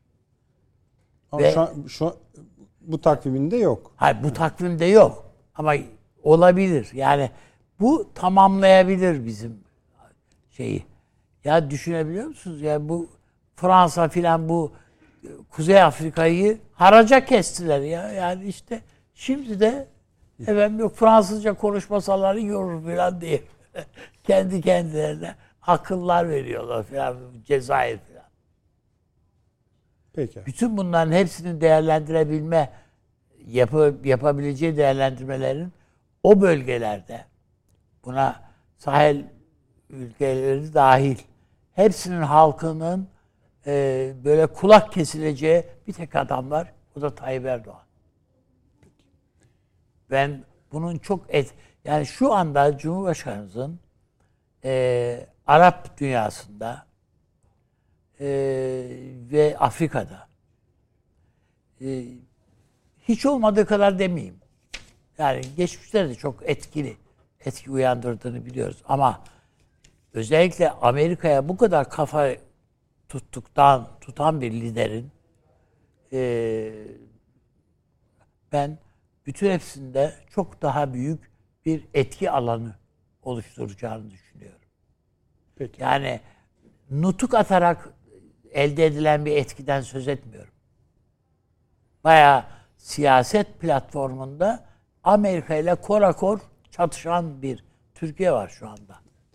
İkincisi biz evet önemini farkındayız tabiatıyla. Türkiye'de üretilen silahların, işte İHA'lar, şunlar bunlar, uçaklar, roketler ama bunun biz ne kadar farkındaysak bunun Arap ülkeleri, Afrika ülkeleri bunların hepsi çok daha fazla farkındalar. Yani bunların tamamının etkisi olacağını olduğunu düşünüyorum. Teşekkür ederim. Ee, Süleyman Hocam şimdi Mısır konuşacağız. Mısır'ın kendisini mi konuşacağız yoksa iki küme var burada. Avni Bey de biraz değindi. Birisi Akdeniz kümesi. Öbürü de Orta Doğu kümesi. Tabii ki bunlar rabıtalı ama bunların zıt yönleri de vardı. Şimdi şu konuda haklıyız. Sayın Cumhurbaşkanı'nın bölgeye yapacağı ziyaret. Yani şeyden e, önce, Vilnius'tan önce oraya gidecek, oradan oraya geçecek. Şu, harita şu. E, Suudi Arabistan, Birleşik Arap Emirlikleri, yani Körfez ülkeleri var, Katar var. E, fakat bir de son dönemde bizim ilişkimizin daha çekici boyutlarının ortaya çıktı. Mesela bir Irak meselesi var. Orada bir yol yapılıyor biliyorsunuz. Ona hep az ihtimal veriyor. Şimdi Mısır'la ilişkiler düzelmiş oluyor. İsrail'e bambaşka bir oturum açmamız gerekiyor Süleyman Hocam. Artık o başka bir oturum hak ediyor. Bir de bu kümenin yanında Akdeniz kümesi var. O Akdeniz kümesinde Mısır, Yunanistan, Rum kesimi, İsrail, zaman zaman eski zaman Birleşik Arap Emirlikleri'nde katıldığı falan bir küme vardı. Ve Türkiye'ye çok sıcak bakmayan bir kümeydi. Mısır'ın la ilişkilerimizin düzelmesi çünkü bu sıçrama aldık yani Mısır Devlet Başkanı'nın Türkiye'ye gelecek olması muhtemelen tabii iade ziyaret de yapılacak tabii ki bir aşama gösteriyor. Şimdi Mısır'ı bu saydığımız kümelerin kümelere ve bunlar arasında Türkiye'nin jeopolitik ilişkilerine nasıl oturtmak istersiniz? Evet. Acaba İran'a da katsa mıydım diye düşünüyorum. Hazır hani yakalamışız. Buyurun. Estağfurullah. Şimdi Türkiye Büyük Millet Meclisi'ne yeni e, seçilmiş olan kıdemli emekli bir diplomat bir konuşma yaptı. E, muhalefet partisine mensup ve Türkiye'nin geleceğinden çok endişe duyduğunu çünkü Türkiye'nin batıyla bağlantılarını, iplerini kopardığını söyledi. Şimdi bunun üzerinde durmak lazım. Şimdi tabii bu e, kıymetli diplomatımız e, belli bir frekans üzerinden konuşuyor. Yani dolayısıyla bir hassasiyet. Yani zerafetinizi takdir etmemek mümkün değil. Ama evet. ben mesela aynı konuşmaya şöyle başlardım. Yani bu kadar uzun yıllar diplomatlık yap. Türkiye'nin en büyük muhalefet partisinin dış işleri, CHP'nin dışarıya bakışını konuşacak ol. Fakat Türkçe yok. O nasıl olacak? İşte Bu kadar bozuk bir tabii. hitap. Maalesef. Ben şuna yormak istedim dinlerken. Sonradan dinledim ben. E, belki gözlük kullanmak istememiştir. O Olabilir. aklıma geldi. Onun Olabilir. için de bir şey demiyorum. Yani şey demek istemedim. Çok fazla Yalnız İngilizce ben tabii bu, demek istemedim. E, bu konuşmayı çok ciddiye aldım ben. Yani çok, ciddiye aldım. Tabii yani tabii üzerinde ben de Yo, yo, bu düşünmem şey Tabii e, çok gerekti. doğru söylüyorsunuz. Ve bazı bağlantılar kurduğum zihnimde tabii doğru mu yanlış mı biraz onun sağlaması önümüzdeki günlerde yapılır. Şimdi e, Arap Baharı dediğimiz mesele aslında Arap kasırgasıydı galiba. evet. yani büyük ölçüde sönümlendi ve tasfiye oluyor. Oldu bile. Yani nerede o böyle tomurcuklanan Müslüman kardeşler iktidarları değil mi? Tunus'uyla, Mısır'ıyla değil mi? Mursiler, efendime söyleyeyim işte e, Gannuşiler, şunlar bunlar. Yani öyle bir dalga, öyle bir rüzgar estirildi ki işte bahar filan diye yutturulan hikaye oydu. Ee, Türkiye orada e, bu sürecin bir anlamda orkestrasyonunu orkestrasyonunu yapan bir güç gibi kendini ortaya koydu. Tabii hikayenin sonu öyle gelmedi. İşte Mısır'da darbe oldu. Efendim söyleyeyim yakın zamanlarda da maşallah unuttuk ama e, orada da bir Gannuşi vardı galiba değil mi? Yani evet. Bir Kays denilen bir adam geldi, oturdu. Yani darbe yaptı basbaya. falan. Şimdi Türkiye tabii bütün bu gelişmeleri önce moral politik açıdan bence de son derece doğru bir şekilde karşıladı. Yani Mursi'ye sahip çıktı. Mısır'daki kamuoyuna Mursi'nin arkasındaki o e, Müslüman kardeş e, orient e, yönelişli e, kamuoyuna sahip çıktı. E, işte hatta bunu bir de Suriye'de taşıdı yani. Falan. Tabii akıl almaz sorunların içine düştük. Yani bunu yapamadık yani. Şu orkestrasyon işini yapamadık. Bu biraz bizim kapasitemizi de zorlayan bir şeydi. Bir de ayrıca diplomatik teamüllerimizin de biraz dışına çıktık. Yani bunu da teslim etmemiz lazım. İşte bazı derinlikler yakalayan e, ne diyelim o doktrin sahibi e, düşünürlerimiz falan vardı. İşte o derinliklerde biraz Vurgun yani. yeme oluyor demek. Vurgun yeme oldu. Fakat bununla da sınırlı değil. Şimdi meseleyi böyle menfi okumak. Ya bu aslında Türk diplomasisinin yürüttüğü, Arap dünyasıyla yürüttüğü e, işte faaliyetlerin mağlubiyetiyle neticelendi demek de çok büyük haksızlık olur. Çünkü aynı süreçte Türkiye bir adım daha attı. Çok etkili bir adım attı. Libya'ya Evet. uzandık. Ondan sonra işler iyice karıştı. Bir Doğu Akdeniz açılımı yaptık vesaire. Bu açılımlarımız da sonuçta Orta Doğu'da ya da Arap dünyasında yaşanan Türkiye-Arap dünyası ilişkilerini böyle çok sorunlu hale getiren bir şeylere çarptı. Sonuçta şimdi hatırlayalım değil mi? Bu memlekette bir cinayet işlendi. Arkasından Suudi veliahtı çıktı. Bunlar bir de ispatlandı, Tabii şahitlendirildi. aylarca neler neler neler. sahir. Yani tamam. Şimdi bir taraftan biz bir açı, bir takım açılımlar yapıyoruz. Bir taraftan da yani ardımızı toplamaya çalışıyoruz. Böyle bir nasıl söyleyelim e, gerilimli sürece girdik. Ee, karşımızdaki güçleri şimdi sayalım. Yani Suudi Arabistan, Birleşik Arap Emirlikleri, e, Suriye ile zaten değil mi? Mısır, o Yani efendim söyleyeyim. Baktığınız zaman tutunacak bir yer kalmadı gibi. Yani çok kötü bir tabloydu. Hayır çok, çok işin komik bir tarafı var. Ya biz mesela diyelim ki su şeyin Amerika'nın e, Suudi Arabistan'la tam bir böyle gırtlak gırtlağı olduğunu zannediyorduk. Cinayetlere falan karşı olduklarını biraz zannediyorduk. Ama Meğersem şöyle oraya geleceğim izninizle. Yani orada bir bir şey oldu. Türkiye'nin bence bugün yaptığı, başlattığı yeni süreci e, zeminlendirebilecek bir takım beklenmeyen şeyler oldu. Neydi bunlar? Suudi Arabistan'la Amerika Birleşik Devletleri ciddi manada karşı karşıya geldiler. Doğru. Az boz bir şey değil bu. Birleşik Arap Emirlikleri aynı şekilde. Yani biz bunu idrak etmede bile aslında Çok şaşırdık. Tabii. Birden Tabii, Çin a- abonde ne olduk canım? Birden Çin girdi devreye. Burada bir Çin barışı gerçekleşti. Şimdi baktığınız zaman Katar nerede? Bir tek Türkiye'nin yanında duran bir Katar vardı. Evet.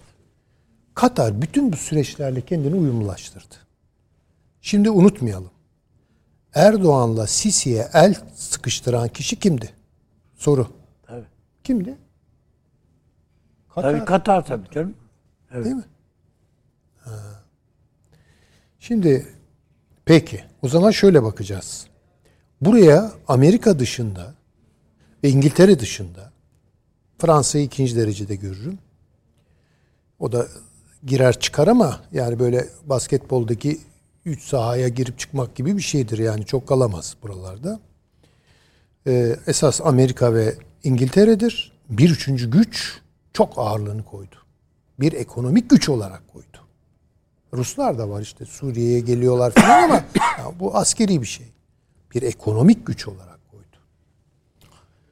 Şimdi Türkiye burada bir e, yeni zemin yakaladı. Benim gördüğüm kadarıyla.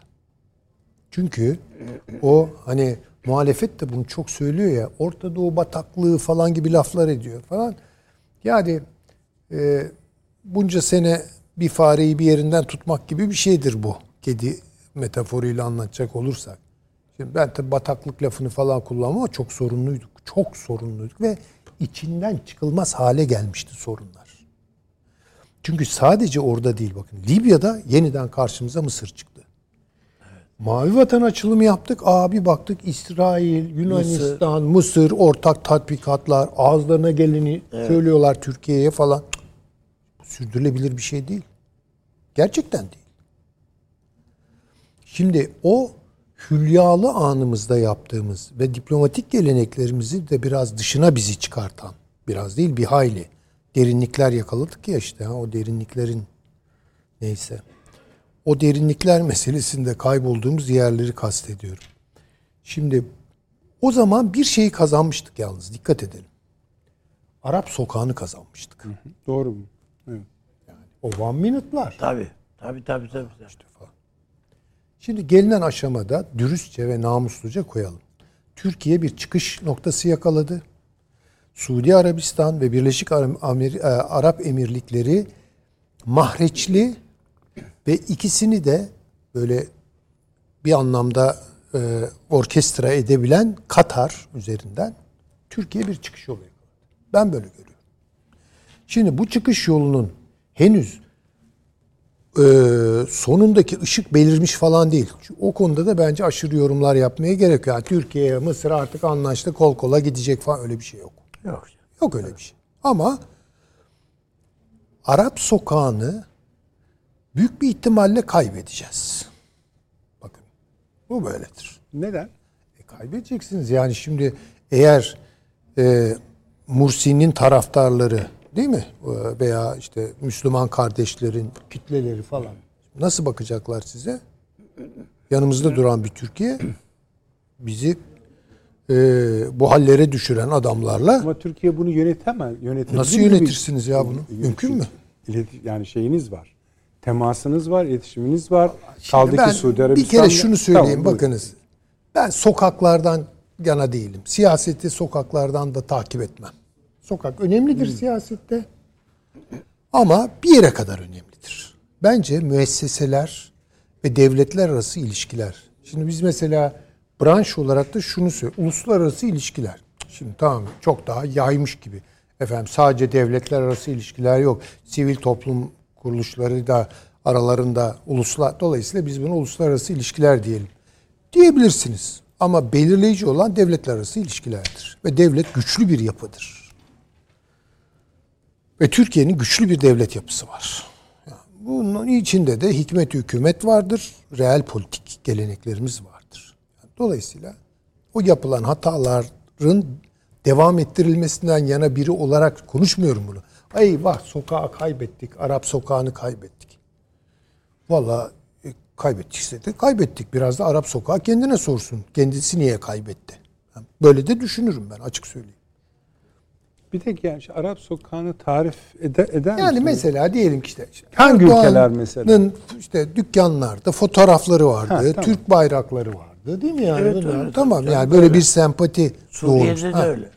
Ama şimdi yani baktığınız zaman yani e, bu devam etsin diye Türkiye'nin e, bölgesel siyasetlerdeki konumu daha da bozulsun. Öyle mi yani? Sokağa kazandık ama her şeyi kaybettik. Yani şimdi bu olmaz. Dolayısıyla bir çıkış noktası yakalamış olduğunu düşünüyorum ben Türkiye'nin ki ve bence de doğrudur bu. Yani bunu eleştirmek için falan katiyen öyle anlaşılmasın. Öyle söylemiyorum. Dramatik mi? Dramatik tabii ki. Yani bunu da görelim. Hiçbir şey olmamış gibi. Dün dündür, bugün bugündür de diyecek halimiz yok. Ama Türkiye durumunu düzeltmek için belli zeminler yakalıyor. Ama dikkat edelim. Bu zeminler işte o sayın elçinin e, veya e, sefirin emekli yeni e, parlamenterimizin yapmış olduğu konuşmada gizli. Yani şimdi bu ne demektir? Türkiye Suudi sermayesi, Birleşik Arap Emirlikleri, Körfez sermayesi bunlarla daha yakın duracak. Şimdi bakıyorsunuz işte e, kendisi benim de çok sevdiğim kıymetli bir e, ahbabımdır. Cevdet e, Bey başkan yardımcımız değil mi? hemen şeye gitti. E, Suudi'yi gezdiler. Evet. Yani şeyle beraber Mehmet Şimşek filan. Yani şimdi bunlar ne yapıyorlar? Bunlar sonuçta dediğim gibi körfez sermaye. Ama körfez sermayesi nerelere bağlıdır? Bunları düşünmemiz lazım. Mesela bir tarafıyla evet Çin'e Yuan rejimi ben üzerinden. Tam onu söyleyeceğim. Yani, ama Şimdi, bir tarafıyla da İngiltere'ye. Dikkat edelim gene oraya da. İki tane küme, yani seyircimizin takibini evet. kolaylaştırmak açısından iki küme izah ettik ya. Bunların ortasında aslında Batı'nın ortasına girmiş bir Çin mızrağı var. Mızrak var, gibi tabii, giriyor. Yani İsrail'e kadar tabii, dayanmış tabii, durumda. Tabii, tabii. Türkiye'yi de yani Türkiye İran sınırında. Keza Ruslarda var. Şimdi bu aslında iki kümenin üzerinde bir üçüncü küme. Üzerinde ama üçüncü küme. E şimdi Batı'ya Batı'ya Batı bir şey söylüyor ki ses çıkıyor. Şimdi bakın mu? Batı meselesi yani bunu bilemiyorum tabii bunun arkasındaki ilişkiler. Çünkü paranın Hocam belki de bu Zelenski'nin filan filan şeyi öncesi bir, bir şeyi de vardır bu Arabistan Arap coğrafyasına Cumhurbaşkanı'nın gezisi. E işte olabilir tabii. Ben bilemiyorum. Yani bir kere Türkiye'nin bundan sonra Körfez'le çok daha yakın bir ilişkiye gireceğini söyleyebilirim. Çünkü Birleşik Arap Emirlikleri ile ve Suudilerle ilişki kurup yumuşadığınız zaman yani buzlar eridiği zaman Mısır da düşer tabii ki. Şimdi biz şöyle zannediyoruz. Mısır'la Türkiye bir ara kafa kafaya. Hayır. Esas belirleyici olan öbür taraf. Çünkü Sisi'nin parası yok. Sisi. Ne yapacak? Yani Sisi Birleşik Arap Emirlikleri'nden Birleşik aldığı Arap paraya bakar. Yani e, budur yani. E, bu da bir şey esasında. Libya'da Dolayısıyla karşımıza evet. çıkışının altında Birleşik Arap e, Emirlikleri e, tamam. var. Türkiye Körfez yakınlaşmasının fonksiyonudur. Dolayısıyla bunu. Ha şimdi bunun sonuçlarında ne olacak? Vallahi bir bakalım. Yani Libya'da ne değişecek mesela? Şimdi orada dikkat edelim. Hafter bir açıklama yaptı. Geçen gün. Biz Libya'da hmm. takip etmeyi unuttuk. Hafter şunu söyledi. Dedi ki bu Libya'daki petrol paralarını iki taraf eşit bölüşecek. Çünkü petrol bende evet. diyor. Bu petrol bende. Ben bunu çıkartıyorum. İki tane liman veya üç tane liman galiba faal şu an. Oradan evet. gönderiyorum diyor. Para öbür tarafa yatıyor. Evet. Bu diyor olmaz. Ben bunu diyor kabul et. Ve süre verdi. Ekim'e Eylül'e kadar mı ne? Dedi ki ya yaptınız bunu ya aksi takdirde dedi ordumu harekete geçireceğim. Ne demek ya bu? Savaş çıkacak. Mısır ne diyor buna? Bakalım. Veya Yunanistan Mısır ilişkileri nasıl seyredecek bundan sonra? Kümelerden biri o. İsrail Mısır. İs, bravo. İsrail Mısır ilişkileri nasıl seyredecek? Evet. Ve bunların içinde Türkiye Mısır ilişkileri Mısır şey Türkiye Yunanistan Türkiye İsrail ilişkileriyle nasıl dengelenecek? Mavi vatanımıza ne olacak? Ya bunlar tabii ki çok çetrefilli konular. Bunlar yani Gazze'nin ben, açık açıklarında biliyorsunuz doğalgaz tabii tabii tabii tabii. Şimdi bu doğalgazın parası İsrail'e gidiyor. Gazze tamamen bu işten Efendim artık yani şimdi bakınız şu an İsrail Cenin kampında Batı Şeria'da Evet. canına okuyor Filistinler. Canına okuyor. Bakın bunları biz görmüyoruz şu an. Evet, evet. Yani kınıyoruz. E tamam işte o kadar. Hepsi yapıyor. Mısır'da yapıyor. Yani yakından Ya- takip ediyoruz ama ama profesyonel bir Mesela takip. var. 2012'ler Ama işte olsa Filistin Devlet Başkanı'nın e, da şeyi Türkiye ile ilgili Çin'de sarf ettiği sözler. evet. Ya Evet, 2013'te olsa aynı tablo ne yapacaktık acaba? Anladım. Of. Değil mi? Yani şimdi baktığınız zaman hakikaten eee, tablo biraz yani moral politik açısından taşıdığımız hassasiyetlerin dışına çıkıyor ve yeniden jeostratejik eee emperatiflere, yaptırımlara, kodlara oturuyor. Fakat hocam ya, tabii, tabii doğru ben katılıyorum Tabii, size. tabii. Fakat bu bir de çok el dağıtılıyor. Yani hani şöyle bir berbat klişe vardır ya kartlar yeniden da o değil de hani çok fazla kart var herkesin elinde. Türkiye'nin herkesinkinden 3-4 misli daha var. Bunu Şimdi koz anlamında şey söyle- söylemiyorum. Bazen küçük kartlar da biliyorsunuz Önemlidir, elinizden tabii. çıkarmanız gereken şeylerdir. Ben pek kağıt oyunlarını ama siz biliyorsunuz galiba. Tabii tabii. Bazı yani Evet. illa şey anlamına gelmez o. Eee, ben satranç dışında hiçbir oyun bilmiyorum. Bilmiyorum. Onu da daha test bilmiyorum. edemedik hocam. Onu da söyleyeyim. Evet inşallah bir sizinle hesaplaşacağız. Belki. Şeyi söyleyerek bitirmek istiyorum. Çok Buyurun, uzatmayayım. Ee, bakınız demin girişte neyi konuştuk? İşte Ukrayna, Rusya, Baltık falan. Şu an Amerika Birleşik Devletleri bütün enerjisini, gücünü bir, bunu daha evvel de söylemiştim, tekrar edeceğim. Sibirya'nın paylaşımı. İki, kutup dairesindeki yeni ticaret yolunun kontrolüne ve onun üzerinden aşağı doğru Pasifik'e doğru. Yani şu an Amerika'nın ilgisi dünyayı böyle bir kubbe gibi düşünecek olursanız kubbeye odaklanmış vaziyette. Ama orta hatlar var. Mesela Akdeniz var. Mesela Orta Doğu var.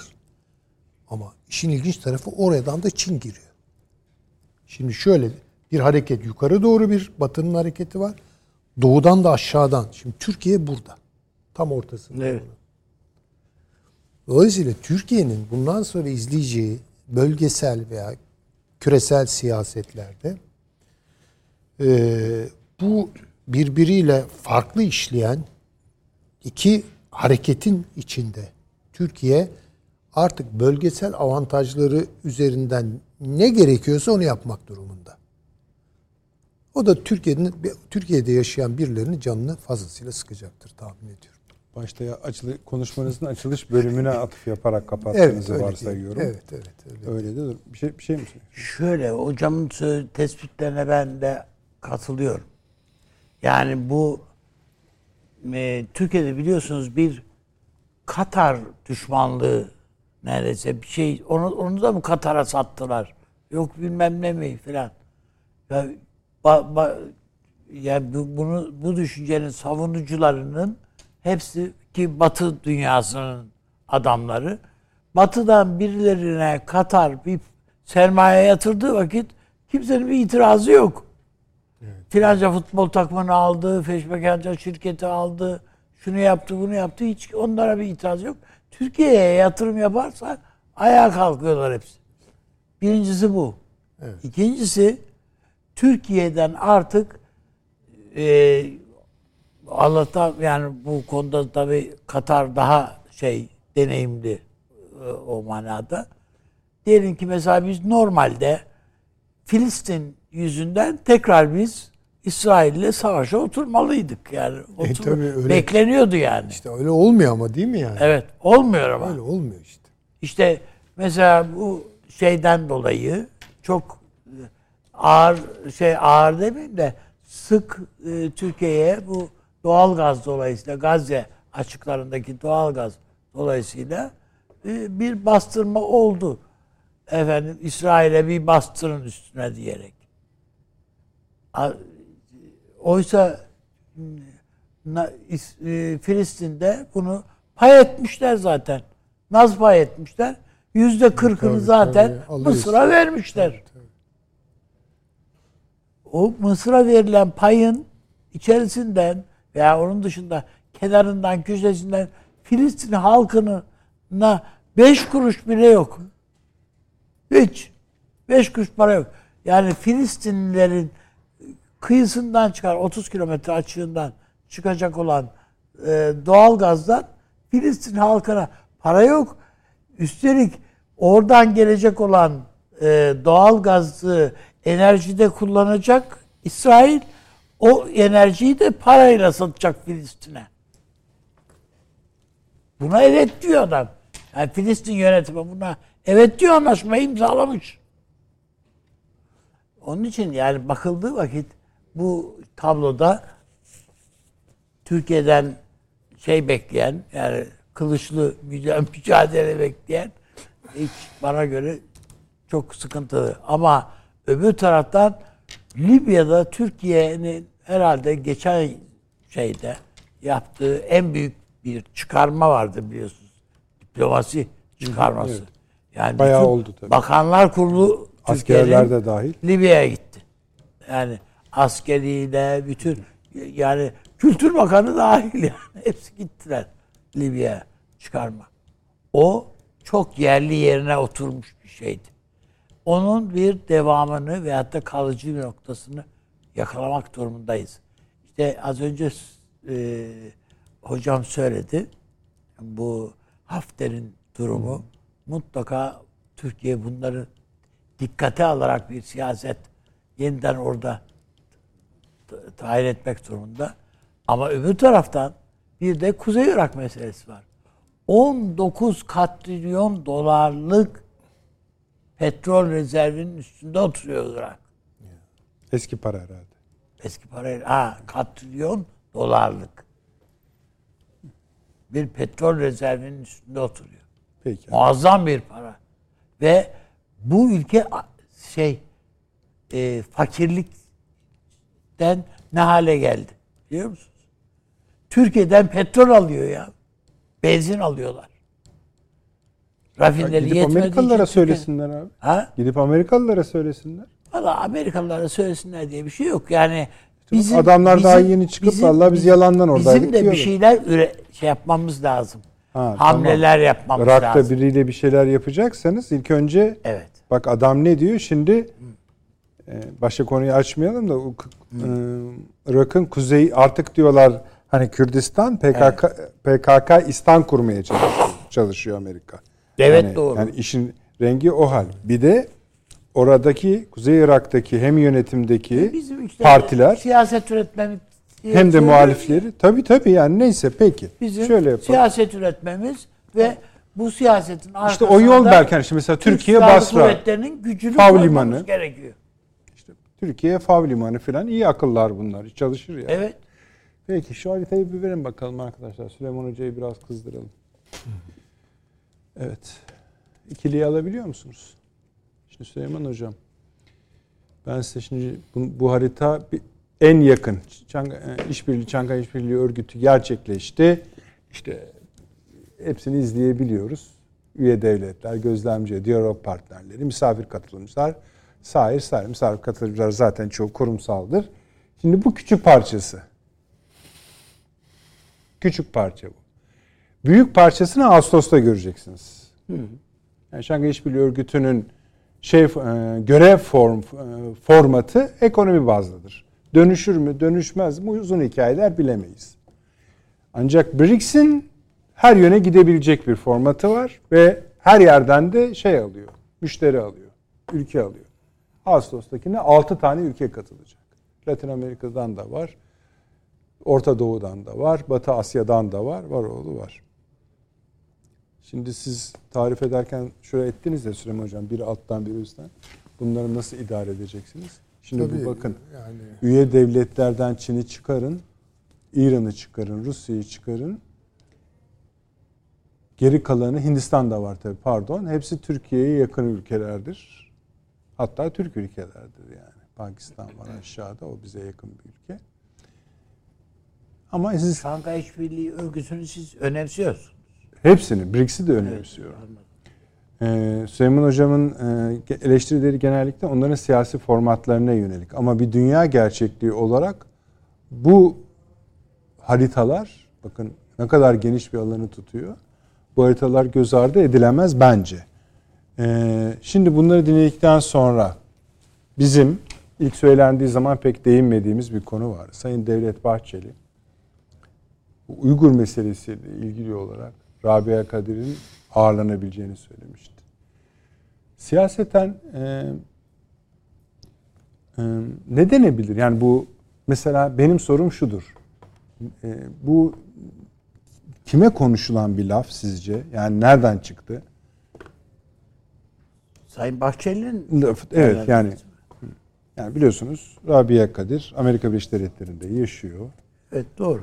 Yani oranın Amerika'nın sığın, sığınma verdiği Ama bunun sürgünde Doğu Türkistan hükümeti var. Amerika'nın himayesinde.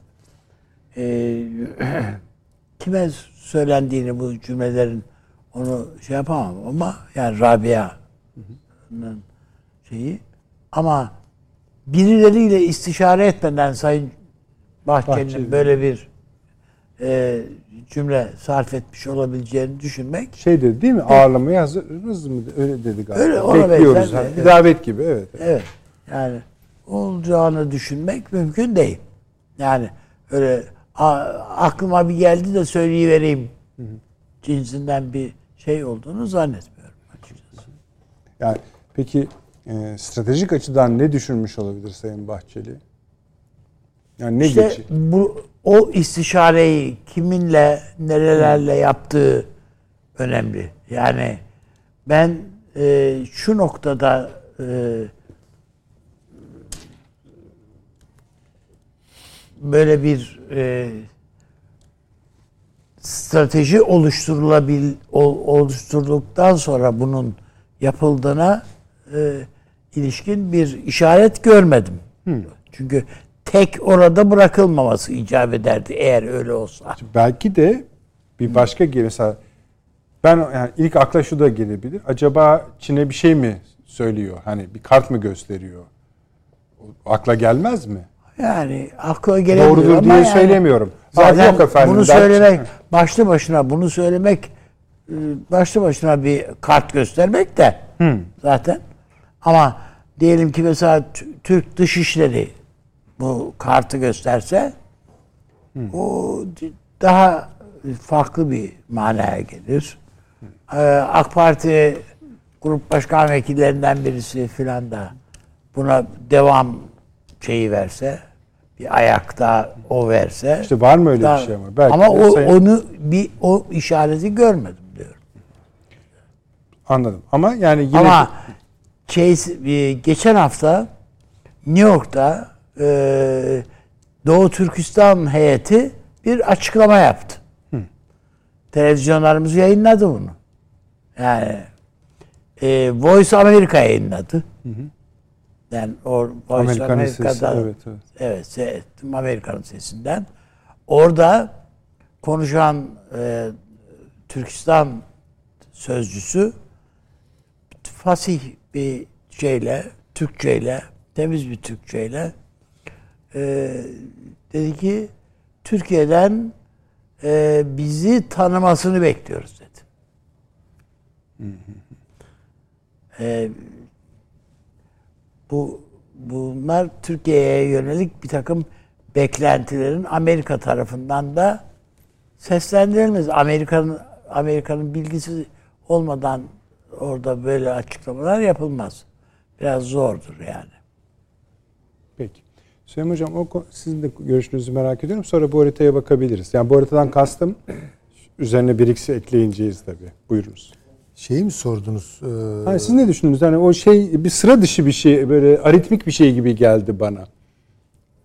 Vallahi bilemeyeceğim yani Sayın e, bir- ama duydunuz değil mi yani? Haberin, Ben duymamıştım özür dilerim. anladım. Yani şeyin e, e, Devlet Bey'in e, konuşmasında Yok, hayır, şeyinde- maalesef. Ha, anladım. Ha. atlamışım. Sonra dilerim. değerlendiririz o zaman. Değerlendirebiliriz de yani bu e, şey meselesini konuşalım ama yani bu Uygur meselesi. Olur. Bu Uygur Türklüğü meselesi e, Türkiye-Çin ilişkilerinin e, en sıkıntılı olduğu ve nasıl çözüleceğinin de çok taraflı müdahaleler buna dahil olduğu için o kadar da kolay olmayacağını düşündüğüm bir Yalnız mesele. Amerika ile birlikte çözmek bunu o onun pek doğru bir şey Onu olacağını söyledim. düşünmüyorum. Yani çok taraflı müdahaleler olduğu için yani Türkiye'nin o müdahaleleri arkasına alıp bunu çözmeye girişmesi Türkiye'nin başına iş açar. Çok Onu güzel. söyleyeyim. Bir de şeyi doğru tarttığımızı düşünmüyorum ben. Bu da o da oradaki davayı Türkiye sonuna kadar savunacaktır. Hiçbir beis yok. Türkiye olarak Met- savunması evet, başka bir şey. Evet. Bak- çok haklı. Yerden göğe Angaje, haklısınız. emt. Sayın Cumhurbaşkanımızın ziyareti sırasında Pekin'de Cumhurbaşkanımız bunu doğrudan Pekin yönetiminin en tepesindeki kadrolara söyledi. Evet tabii.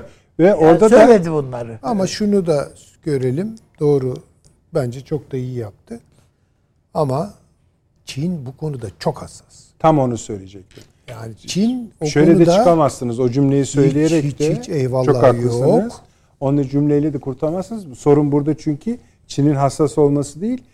Çin'in bu konudaki hassasiyetinin ölçülememesi. ölçülememesi. yani öyle bir Tabii, hassasiyet ki yani tabii. oradaki 10 ülkeye aynı anda savaşı e, o Çin kadar şey bakıyorlar ilişki konuya. kurduğu her devlete yani işte mesela bu Şangay Tabii, tabii.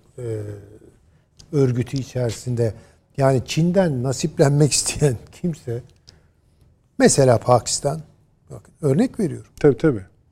İmran Han. İmran Han gitti Çin'e Evet. ve dedi ki bu dedi Uygur meselesi dedi. İç suni, meselesi. suni bir meseledir dedi. Şimdi bakın Türkiye-Pakistan ilişkilerini düşünelim değil mi yani? Tabii tabii çok. Yani dost bildiğimiz Pakistan'ın sabık e, reisi cumhuru, diğer neyse işte başkanı, başbakanı, O zamanki. e, o zamanki gidiyor Çin'e diyor ki yani biz diyor senin tarafındayız yani. Ya düşünmüyor bile o ara Türkiye ne oluyor? Türkiye, Pakistan. Bizimkiler de sustular. Ya herhalde görmüşlerdi, takip etmişlerdir. İran meselesi işte aynı şey. Burada söyledik. Değil mi? Ee, Sayın reisinin hanımının konuşmasını. Evet. Evet evet. Bakın bunlar çok iyi alametler değil tabii ki. Ve perdelemek için de kesiyorlar yani de montajlıyorlar falan. Tabii efendim. Türko-Mongolian diyor. Türko'yu kaldırıyor. Mongol demiş gibi yani. Hayır değil. Türko-Mongolian dedi işte. Bunu Açıkça gördük. Neyse. Yani neticede Çin'e biat etmenin amentüsü Uygur meselesinde Çin gibi düşündüğünü deklare etmek. Bakın bu şey için hani e, Filistinler için de geçerli. Gitti Abbas, Mahmut Abbas. O da aynı şey. Yani bu Çin çünkü bu konuda çok hassas. Yani bu Türkiye-Çin ilişkileri açısından değil sadece. Bir kere normal bir laf söylendi. Yani normal bir laftı esasında ben hatırlıyorum. Adam ilk yani daha ortada yokken dedi ki bu PKK konusunu ne düşünüyorsunuz? Aa, Tabii canım. Hatırlıyorsunuz değil mi onu? Çin Büyükelçisi. Çin, tabii tabii. Tabii. Tabii, tabii. Yani Şöyle öyle yani düşünün. şey- ya Bakın. bir şey demedik falan bile ol- olmadı yani. Siz dediniz ya ölçü bulmak çok zor Çin'in bu konudaki hassasiyetini. Ben bir ölçü vereyim mi? Buyurunuz. Tayvan kadar. Hayvan. Yani savaş çıkar yine. Evet. Yani O. batısında Uygur meselesi var Çin'in. Doğusunda Tarih- da Tayvan tarihi, meselesi yani var. Stratejik kompozisyonu var. Bu sizin dediğiniz de çözüdür. İki ülke arasındaki yüksek liderliklerin de ancak konuşarak ya şurayı çözülmek diye bir şey de değil. Bakın şöyle. Bu asırlarca bağımsız yaşamış bir devletin Doğu Türkistan e, Halk Cumhuriyeti'nin veyahut da Cumhuriyeti'nin tekrardan kültürel olarak varlığının tanınması. Çin bunu tanımıyor. Olmaz.